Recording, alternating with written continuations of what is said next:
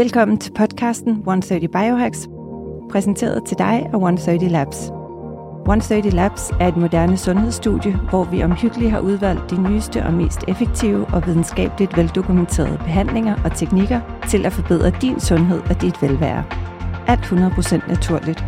Fokuseret omkring at støtte din krops egen naturlige evne til at hele, regenerere og forny sig selv. Vi tilbyder en helt ny tilgang til sundhedsoptimering, både i forhold til forebyggende sundhed og behandling af allerede eksisterende sygdomme. I vores podcast 130 Biohacks dykker vi ned i videnskaben, strategierne og hemmelighederne bag sundhed og et langt og velfungerende liv. Lyt med, mens vi udforsker de nyeste og mest banebrydende og innovative teknikker til at optimere dit velvære og forlænge din levetid.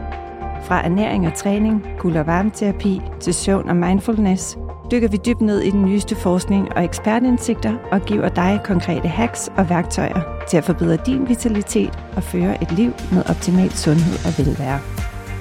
Hack dig til en sundere og gladere udgave af dig selv, en episode ad gangen. God fornøjelse. Hej og velkommen til 130 Biohacks. Jeg har Rasmus Hovlind i studiet. Velkommen til, Rasmus. Mange tak. Mange tak, Tine. Rasmus øh, og jeg har egentlig en lang historik for øh, reklame-marketingbranchen. Du er marketing-ekspert, partner i Agilic, hvis der er nogen, der ved, hvad det er, mm. øh, og øh, et marketing-software. Så du forfatter har skrevet flere bøger inden for, øh, inden for personalisering. Men øh, her kommer det store twist, for det er marketing, vi skal tale twist. om i dag. det er, at, øh, at du også er, er noget af en longevity-entusiast. Ja. Øhm, hvilket har medført, at du blandt andet har investeret ind i 130 Labs, mm. øh, også i Pure Vitalis, som leverer kosttilskud inden for sådan mere specialiseret longevity kosttilskud. Ja. Øhm, og det, som, som jeg også synes, det kunne være rigtig spændende at tabe ind i i dag og, og tale om, det er, at vi har mange eksperter, og der er, også, der er også begyndt at komme flere profiler, både nationalt og internationalt, som mm. går meget sådan måske i nogens øjne ekstremt til værks i forhold til det her med, at, og hvordan man kan holde sig ung, eller blive yngre, måske endda lige frem for nogen øh, længere. Øh, men jeg, jeg er jo også meget optaget af at sige, hvordan får vi måske det her ud lidt mere i øjenhøjde, og, og på et niveau, som siger, jeg der sidder derude og har en nysgerrighed på, hvad er longevity, hvad kan jeg gøre, hvad kan jeg gøre i min dagligdag, øh, og det er lidt den del, jeg, jeg tænker, at du har en interessant historie og vinkel på. Øh, jeg er i hvert fald ekspert i min egen rejse, øh, kan man sige, og nok meget mere end, øh, end nogle af dem, som du har i øvrigt haft i studiet. Ja, så, øh, så det var tankerne, men jeg ved ikke, om er der noget? Nu fik, nu fik jeg lavet en lang introduktion af dig. Er der noget, der mangler, du lige har lyst til at tilføje dele? Mm, jeg tror, det er, det er nok meget godt øh, ramt. Øh, altså nu er jeg jo Altså jeg har, jeg har startet for eksempel den her gruppe på Facebook, som hedder Longevity. Øh, ja. Lev sundt og længe. Øh, ligesom, og så tror jeg, jeg name dropper David Sinclair, Mark Heimann og Peter Atia. Og jeg synes i hvert fald, det er bemærkelsesværdigt at se, hvor utrolig mange flere medlemmer, der er kommet bare i løbet af den sidste måneds tid. Det er ligesom om, at medierne for alvor har begyndt at, at samle det her op og tæt op. Altså jeg fornemmer en, en kæmpe interesse rundt om i, øh, ja, i verden, øh, men, men sådan set også i, i Danmark. Ja, det er jo rigtig interessant, fordi da jeg startede det her space for en 4-5 år siden, der, der var longevity også stort i udlandet, men herhjemme var det altså non-existent. Altså, og vi har jo heller ikke rigtig et, et dansk ord tilsvarende. Det, kan, det er der også mange årsager til. Der er mange engelske ord, vi ikke har, har dansk ord for, men, men du ved, det er sådan, der, jeg, føler, jeg er helt med dig. Jeg tror, der, skal, der er sket et kæmpe skifte, øh, heldigvis. Mm. Det er jo positivt. Men, øh, men der, jeg, jeg, får, jeg har flere spørgsmål, jeg har lyst til at stille nu, så nu er det mere rækkefølge. Men et, hvad er longevity for dig? Mm. Fordi det, jeg tror også igen, for mange, selvom begrebet er blevet belyst mere og bliver brugt mere, er der jo også mange fortolkninger og ja, holdninger til, hvad er longevity egentlig? Ja, ja, men for mig så handler det om at dø ung øh, i så høj en alder som muligt. ja. altså øh, forstået på den måde, at hvad skal vi sige, hvis man har det godt, og det er rart, og man hvad skal vi sige, har de ting, man skal bruge fra øh, Maslows behovspyramide, øh, og man har det godt med sine venner og sin familie og sig selv og sin fysik, så er det min tese, at så vil de fleste øh, have lyst til at vedligeholde den tilstand så længe som overhovedet muligt. Og øh, nu, jeg tror, jeg støvsuget det, det meste sådan, af litteratur på, på området. Og øh, jeg synes, at Peter Attia, som er en af de her øh, store longevity-guruer, og altså øh, øh, han er meget, meget stærk sådan også på, på det medicinske. Jeg synes, han siger det på en, på en rigtig flot måde. Han siger, øh, at han træner til The Centenarian Olympics. Altså han, sag, han træner til øh, olympiske lege for 100-åringer. Mm. Så han kigger allerede nu, altså det der med at, at, at, at træne for at se lækker ud og, øh, øh, og score piger, eller, eller gøre sig attraktiv osv., det er han ligesom øh, for længst forbi. Ja. Han er jo stadigvæk en, en, en meget, meget flot mand. Så han kigger i stedet, væk, eller i stedet for frem, og så kigger han på øh, sig selv som 100-åring, og tænker, hvordan vil jeg gerne have, at mit helbred og mit liv skal være som 100-åring. Og det han kigger på, det er en, og han siger måske ikke så meget øh, Olympics, men i hvert fald så øh, decathlon, ikke? Altså ja. sådan en 10-kamp øh, eller noget i den retning, ikke? Hvor ja. den første disciplin, det er så noget med at kunne, kunne rejse sig selv øh, op fra sin seng, øh, og kunne gå op ad trapperne. Endnu bedre fra jorden af, ikke? Ja.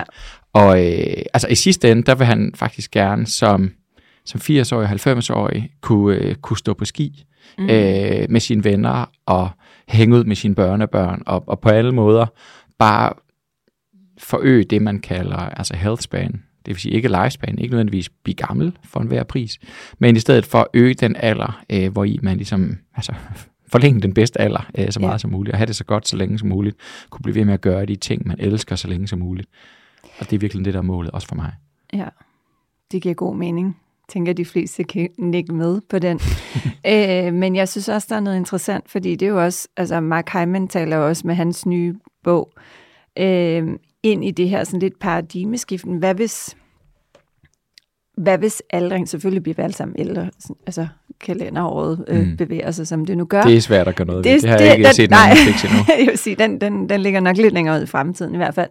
Men hvad hvis nu man begyndte at forstå, at det vi jo rigtig mange forskere taler ind i, øh, og longevity-eksperter, det er jo det her med at sige, aldring, usund aldring, mm.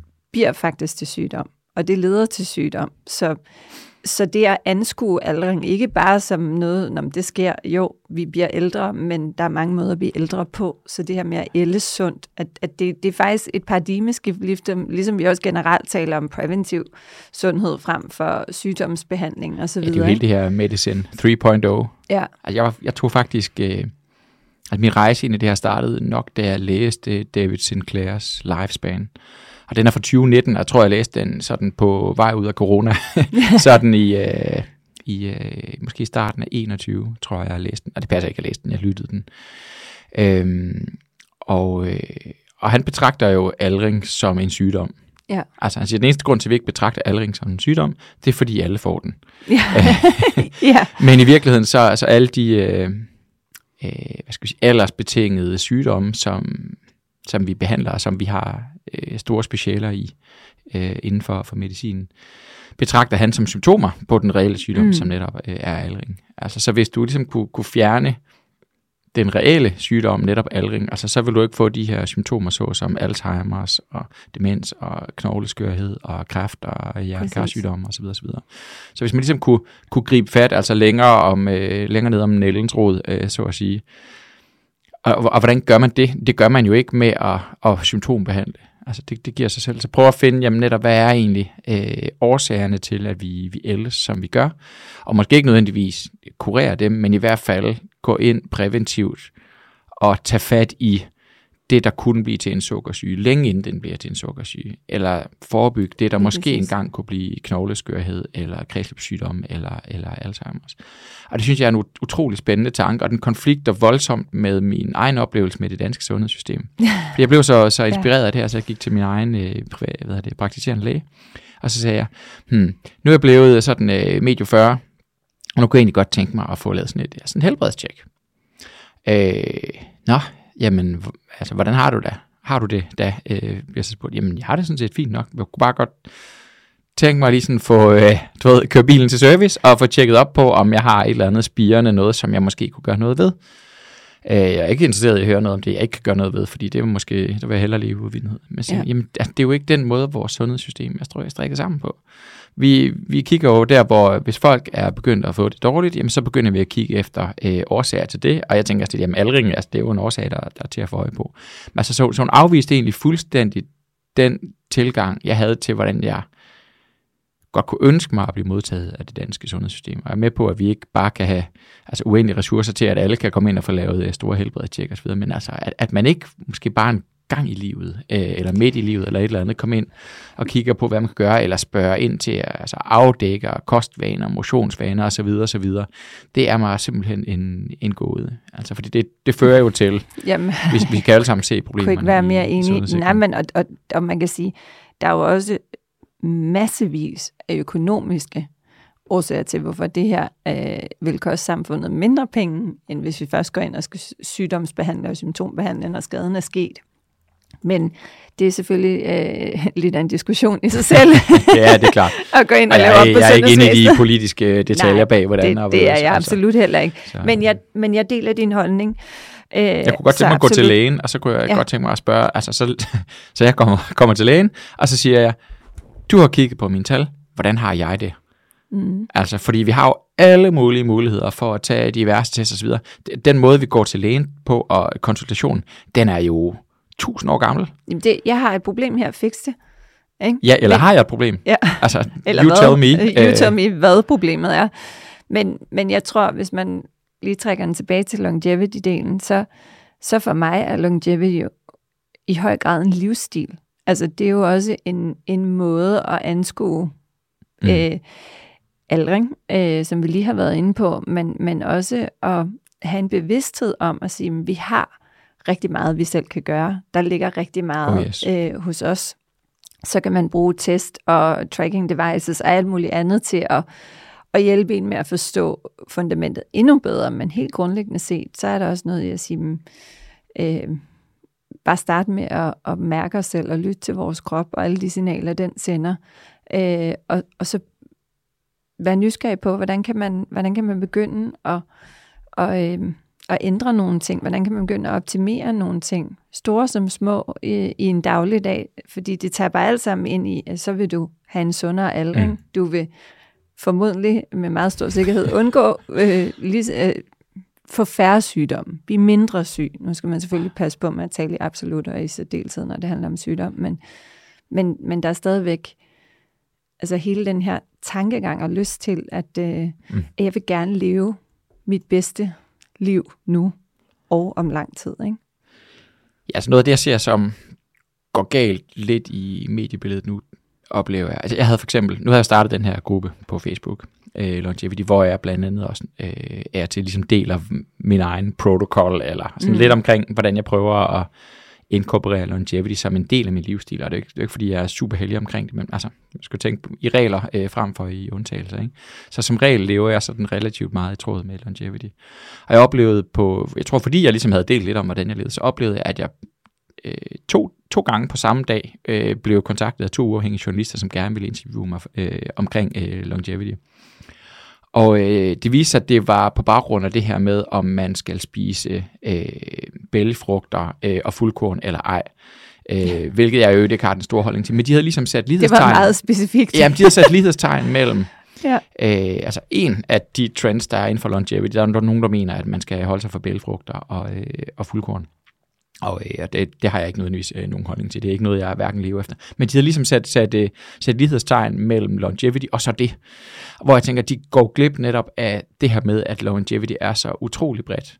Altså, så man kan sige, for det første, så handler det jo om, i hvert fald i min optik, at have det godt med sig selv, og med hinanden, og med det, man elsker. Altså, hvis mm. du har det Gode relationer. er til, altså så, hvorfor så, hvorfor så trække pinen ud, ikke? Altså mm. hvorfor så øh, aspirere mod at, at, at leve sådan? Øh, så det, altså, så det, det første handler om at, at have det godt med sig selv, og et, et godt selvværd, og der er meget snak om self-love og, og selvkærlighed osv., og, og, og elske sig selv for den man er, og tro på, at man har fortjent det bedste, for det er også med til at gøre, at du træffer de rigtige valg, fordi det mener du, at du selv fortæller, at mm. fortjener. Og, og det ligger der en, en, en selvkærlighed i, som så på en eller anden måde kan åbne op for, at det bliver lettere at overholde nogle af de her ting, som ellers kan være svære. Ikke?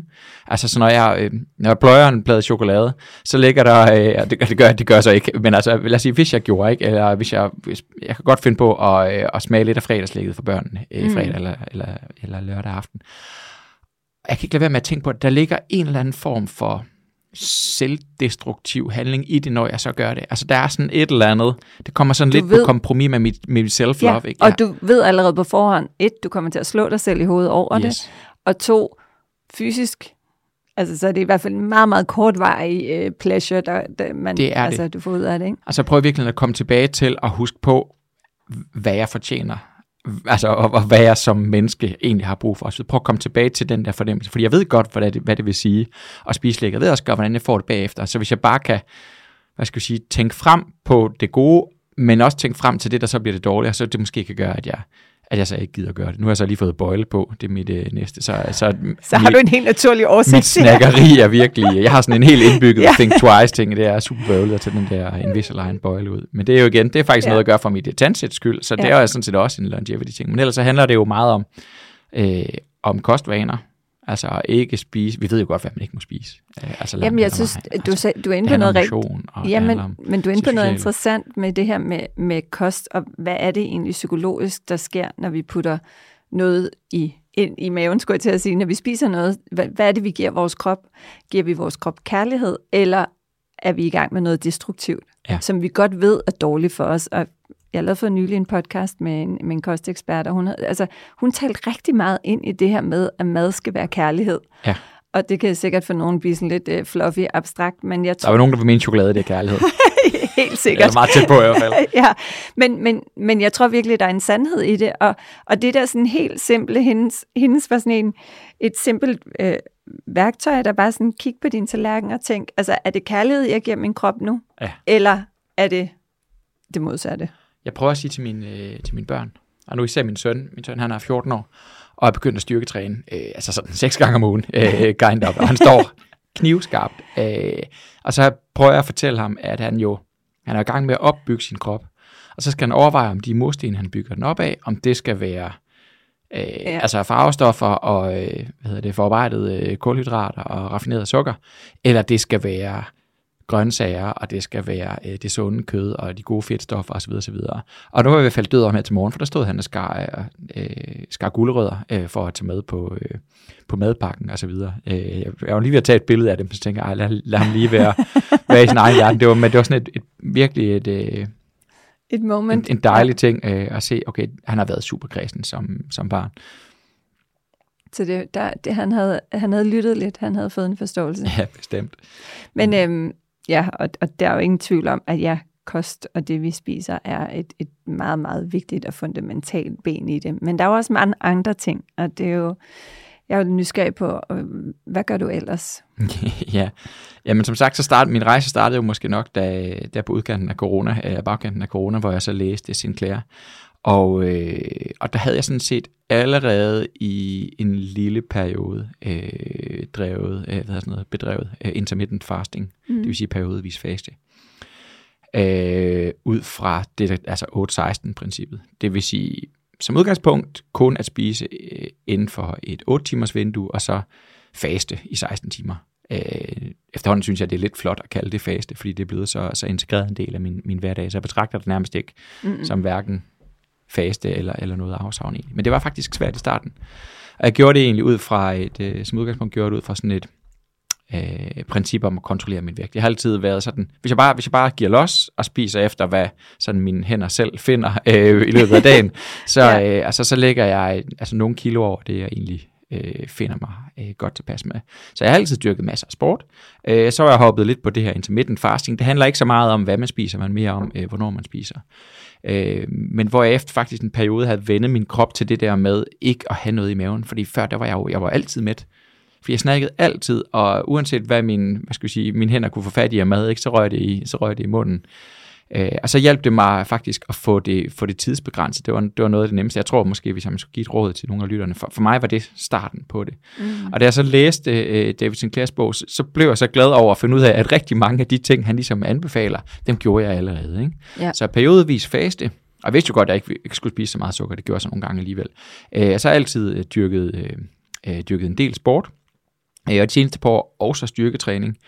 Øh, og, øh, og ellers altid cardio- eller konditræning i et eller andet øh, omfang. Og så har jeg sådan set også begyndt at vinterbade. Øh, og øh, efter så havde læst hans bog, begyndte jeg så også at spise nogle af de her øh, kosttilskud, blandt andet NMN, som er et af de sådan, mest øh, berømte øh, molekyler eller kosttilskud, man kan tage i forhold til longevity. Så på en eller anden måde, så var det, så jeg blev sådan lidt bekræftet i, at jeg allerede gjorde mange ting godt, ja. og hvilket jo flugtede rimelig fint med, øh, altså hvad for en form jeg synes var i, og, og, og hvordan jeg øvrigt sådan jeg holder mig. Men så tog jeg sådan en, sådan en biologisk alderstest, faktisk. Øh, og øh, sådan en biological age test, og dem findes der utrolig mange af. Men den jeg nu tog, viste sig så, at jeg havde en kronologisk alder, som var øh, altså, nej, undskyld, en biologisk alder, som mm. var præcis den samme som en kronologisk alder. Ja. Så det kan godt være, at jeg gik og følte mig øh, ung og lækker, øh, men jo altså så ikke mere end, end, end USA, øh, ifølge den her test. Og det fik mig alligevel så til at reflektere, øh, fordi der er jo netop, der er jo mere til det end kost og sundhed, men netop altså ind i det, i det psykiske, øh, og hvordan har man. Og der måtte jeg jo bare se, at at de seneste par år i virkeligheden, i øh, det meste af min karriere, har jeg jo levet sådan i altså sådan nok lidt i alert stress, øh, mm. altså rigtig meget af tiden, ikke? Og jeg har jo øh, tre børn, øh, jeg har været gift i 15-16 år, og, øh, og det har ikke altid, altså det har ikke altid været uden komplikationer, og så med, med byråjobs ved siden af, og nu i, i Agilic også, hvor vi har, altså, vi tog selskabet på, på børsen, First North, der i 2018, og det har også bare været super meget knald på. Jeg kan også godt lide at have travlt, men det har, altså, det tror jeg har været noget af det, der har, altså holdt mig tilbage fra at, hvad skal vi sige, blive yngre, eller øh, jeg tror godt, jeg kunne have ældet mindre hurtigt, hvis jeg havde taget det lidt mere chill. Altså. Ja, ja. Ja, det tror jeg er en sindssygt vigtig pointe, fordi det, øh, vi kan gøre rigtig mange gode ting, men, øh, men igen, hvis vi kigger ind i root causes, et er aldring, men hvad fremskynder også aldring, og den usunde aldring, mm. det er inflammation, kronisk inflammation, ikke ikke korte burst er, er god, men at være igen, stress er en af de primære årsager til, at vi får inflammation. Så, så, så mm. tingene hænger jo sjovt nok sammen, men det er også vigtigheden af at forstå, at man kan ikke kun skrue på en knap. Altså, der er så mange elementer, og sjovt tilbage til det, du nævnte med den artikel der, ikke? Ja. At, at longevity eller sundhedsoptimering generelt er bare rigtig mange ting, og det er et samsurium af en helhed, hvor vi ikke kan mm. adskille og kigge på øh, vores fysiske og mentale helbred som isolerede grupper, øh, men, men det hænger sammen. Der er også nogen, der har spurgt ind i den der gruppe, så spørger de, altså hvor skal man starte? Øh, mm. Øh, og, og det kan jeg sørge mig godt forstå, for det er jo en kæmpe jungle af, altså alt lige fra breathwork og meditationsøvelser til sådan meget øh, medicinske øh, kosttilskud og til øh, lysterapi og laser og så videre, så videre, så videre. Men altså, et sådan et rigtig god, jeg skal sige, longevity øh, start på dagen for mig, det er jo i virkeligheden der, hvor, øh, altså, hvor jeg har fastet fra aftenen før. Det vil sige, at jeg har ikke spist noget efter aftensmaden, så, det, altså, så, så hvad er det så ikke? Ingen aftensnacks. Ingen aftensnacks, men altså holdt, øh, holdt pause efter aftensmaden. Øh, forhåbentlig sovet rigtig godt, det vil sige uden for mange øh, 3-4-årige, øh, der, der har vækket mig i løbet af natten. Øh, der er også nogen, der tager kosttilskud for at hjælpe med at få en bedre søvn. Øh, noget af det, der kan forhindre mig i at få en god søvn, det er blandt andet, der for varmt i soveværelset. Vi har et sydvendt soveværelse. Jeg kigger på, om jeg skal have installeret et af de her, at man kan få sådan nogle bed coolers, der det er mit næste projekt, at begynde at optimere lidt på søvnen. Øh, men forhåbentlig efter en god nats søvn, øh, at stå op med mine børn, så laver jeg som regel øh, strækøvelser, mens de spiser morgenmad, hvilket jeg så ikke gør. Så jeg får strækøvelser til morgenmad. Og øh, typisk så har jeg i, altså, så har jeg så øh, løbet en tur om morgenen, øh, mm. hvis, hvis det kunne passe, selvfølgelig ikke hver morgen. Øh, men jeg så for eksempel løbet min datter øh, fuldt hen på vej til skole, og så løbet en 6-8 km efterfølgende, og så sluttet af, altså op, det vil sige på tom mave. Øh, og det kan man vende sig til, det er faktisk ikke øh, hverken svært eller slemt længere. Nej, helt enig. Og så slutte af med at bade, uanset hvornår på året det er. Ikke? Det vil sige i vinteråret, vinterhalvåret, ja, nu er det jo knap nok koldt at bade endnu, øh, men altså, øh, vinterbadning øh, i de måneder, hvor, hvor temperaturen er til det. Og så stå op, og så i øvrigt øh, tage på arbejde, og så først spise noget til frokost. Øh, og i øvrigt have, have spist min, øh, min kosttilskud øh, om morgenen, altså mit, mit øh, NMN typisk øh, om morgenen. Øh, og så er der ja. så nogle andre kosttilskud, jeg tager, typisk når jeg kommer hjem fra arbejde. Øh, typisk så tager jeg quercetin øh, og, øh, og spermidin, som er nogle af de her senolytics, altså nogle af de stoffer, som hjælper med at slå zombiecellerne ihjel, øh, mm. som det hedder. Hvis jeg har haft det øh, for travlt øh, på arbejde i løbet af dagen, og nogle gange, det synes jeg kan være svært, det er, hvis man har meget, meget travlt, og så skulle sætte sig ned og lige pludselig sætte sig ned og fokusere på et eller andet. Og der er altså begyndt at bruge meditation til lige at lige scanne kroppen igennem, lige mærke efter, hvor fanden er jeg henne lige nu, og hvordan har jeg det egentlig øh, for at kunne altså komme ned i gear, øh, simpelthen, og nogle gange også, når jeg kommer hjem fra arbejde. Og så gælder det jo om at, at så ikke begynde at forgribe sig på alt muligt øh, snask, når man så kommer hjem. så jeg prøver så vidt muligt at skynde mig at finde nogle, øh, altså cherrytomater er noget af det allernemmeste at snakke, snakke på, øh, hvis du spørger mig, alt, alt sunde sund, snacks, øh, ja. og gulerødder, ikke? Øh, og så kan man begynde at lave øh, forhåbentlig et sundt aftens øh, måltid der. Ja. Hvordan, altså nu, nu er der jo både øh, Emil Thorup, der har meget, meget frem i medierne med hans longevity-rejse, og, og, og hvis nogen øh, følger med i Brian Johnsons sådan en øh, tech... Øh, tech-nørd, skulle jeg til at sige, øh, og i særdeleshed øh, longevity, øh, self-made nu. Øh, Han er gået rimelig meget all in, tror jeg godt. Altså, der er gået ekstremt all in og dokumenterer alting øh, via hans sociale mediekanaler. Mm. Så hvis man er nysgerrig på, hvor ekstremt man kan gå inden for det her space, så er han et godt bud. Men det er der også den, mange har også den holdning om Emil, og noget af det, der bliver talt rigtig meget om, det er de her famøse 70 kapsler med kosttilskud øh, morgen og aften. ja. øh, og, hvor, hvor du hen i det? Nu, nu tager du nogle forskellige ting. Men, ja, der er jeg men... i hvert fald ikke. Øh, jeg er ikke på, på de 70. Øhm, det kan godt være, at jeg måske burde kunne, eller et eller andet, øh, tage flere kosttilskud, jeg gør. Men det, jeg ligesom har, har snævret ind til, og det, som, som giver mening for mig, det er... Øh, altså dels at spise ordentligt, ikke? Mm. Altså så prøve så vidt muligt og, og ikke, ikke, altså, jeg, er ikke, jeg er ikke crazy omkring det. Det er ikke sådan, at hvis, hvis folk serverer en pizza til mig uden for mit spisevindue, så spiser jeg den ikke. Altså, men altså, reglerne frem for undtagelserne. Så prøv så vidt muligt at styre uden om øh, sukker og uden om øh, brød faktisk også. Øh, og til gengæld så er jeg ikke bange for fedt, øh, særligt ikke hvis det er olivenolie. Øh, jeg spiser rigeligt med proteiner øh, og masser af grøntsager. Og, og det er ligesom, det er sådan det er der, jeg sætter grænser, så gider jeg ikke gå mere op i det egentlig. Altså, så hvis jeg kan lykkes med at holde det, så synes jeg faktisk, det er, det er ret flot. Kosttilskuddene, det er, det er så, hvad hedder det, NMN øh, om morgenen, øh, og i forbindelse med enten frokosten, eller når jeg kommer hjem fra arbejde, så bliver det så til, øh, til quercetin, aspermidin, øh, fisetin, og øh, D3-vitaminer og K2, og jeg tror faktisk, det er, jeg tror faktisk, det er det øh, i perioder, hvis jeg har fået øh, sådan, øh, hvad det, nogle gange har fået sådan noget laserbehandling for huden. Jeg havde sådan nogle, nogle solskader, som, som faktisk stort set er væk nu. Øh, har jeg så øh, øh, suppleret med, hvad hedder det, øh, øh, ja, den, øh, den røg lige. den, den kommer. Ja, altså nogle af de her proteiner, som hjælper ja. med at, at opbygge huden og hår igen, og så videre. Jeg er helt sikker ja. på, at du ved, hvad jeg mener. Ja, helt, men de findes jo i mange former, og øh, mange kombinationer. Ja, det så kommer lige om lidt. Lige præcis navnet på din tør jeg ikke uh, kloge mig på. Men, nej. nej. Kollagen. Det var, okay, ja. vi var helt, helt specifikt. Ikke noget, uh, nej. Ikke noget fancy, men egentlig ikke bare noget fancy. Nej. helt almindeligt ja. kollagen. Og så har jeg sådan set også uh, overvejet at spise uh, kreatin igen, uh, fordi ja. jeg er i en relativt god periode for tiden, hvor jeg får uh, løbet et par gange om ugen, og jeg får styrketrænet et par gange om ugen. Og øh, for at kunne hjælpe min krop med at restituere bedst muligt, og egentlig også sove bedst muligt, og få det mest ud af den træning, jeg så trods alt får gjort, så, øh, så vil jeg egentlig gerne hjælpe min krop på vej øh, til det. Ja. Det var alligevel også nogle stykker, øh, men altså, ja, det, det, det føles det, ikke som noget åh, og der er ikke noget med 70 piller. Altså. Nej.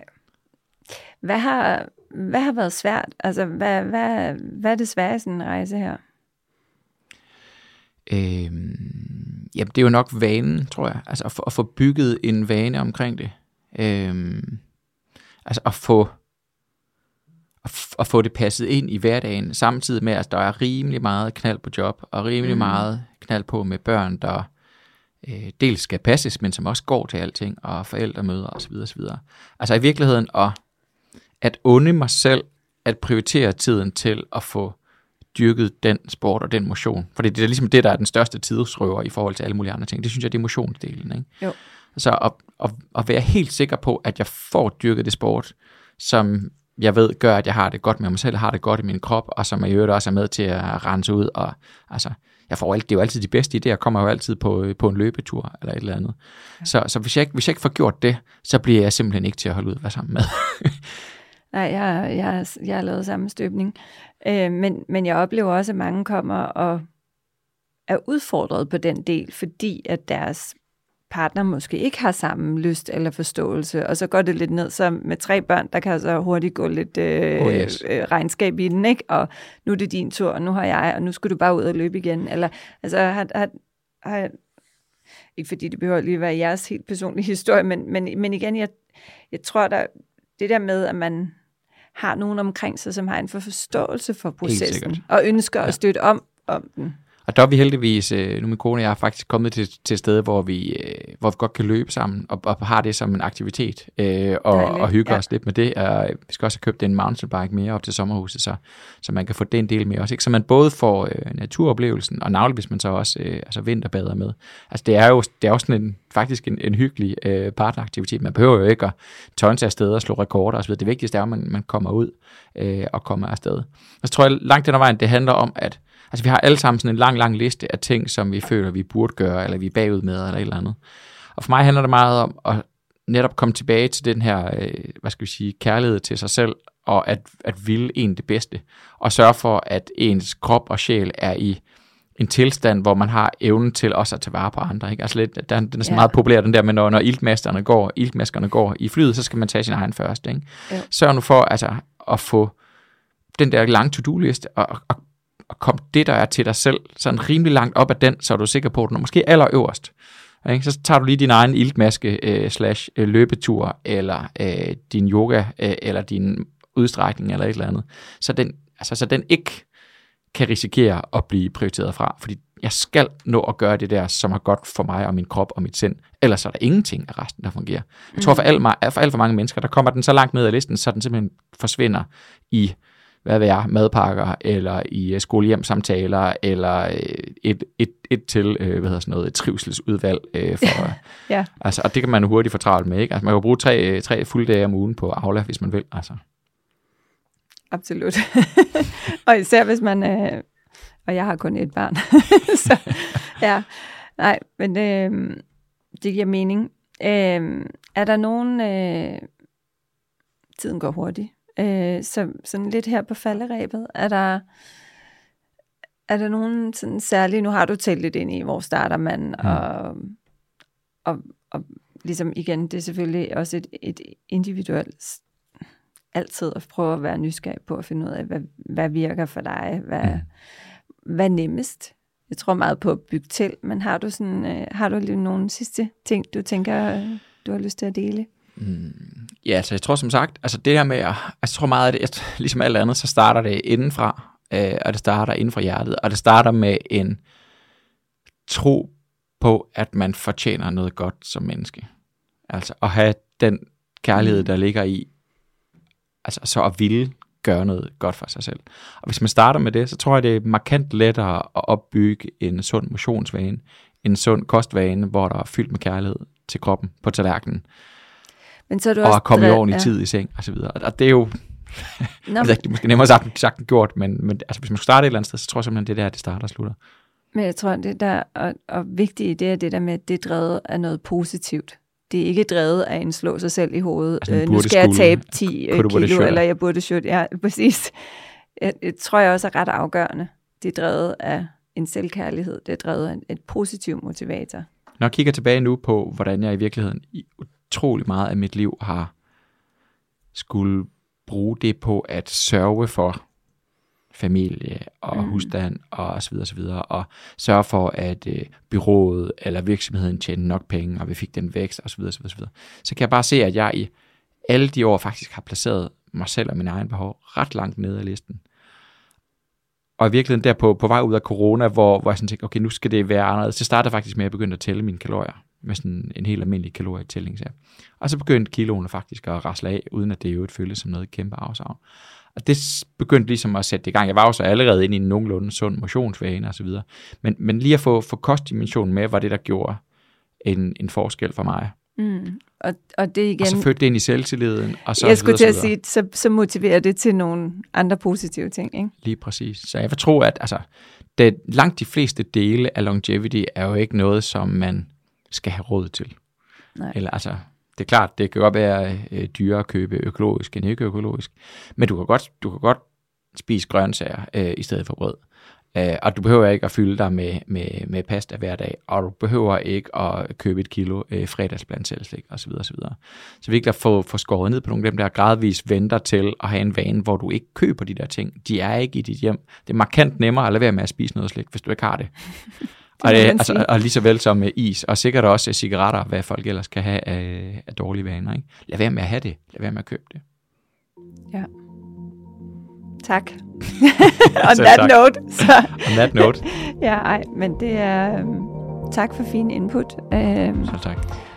Og igen, jeg tror det her, som du siger, longevity kan lige pt. også blive kørt op til noget meget ekstremt og meget, meget stort.